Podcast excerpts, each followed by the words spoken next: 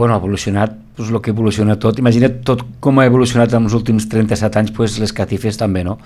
Va sortir pues, d'una iniciativa del poble, del carrer Andreu Llambrí, del carrer Madeo, i poquet a poquet, amb 3 o 4 anys, ja es va anar estenent i es va fer tot el recorregut.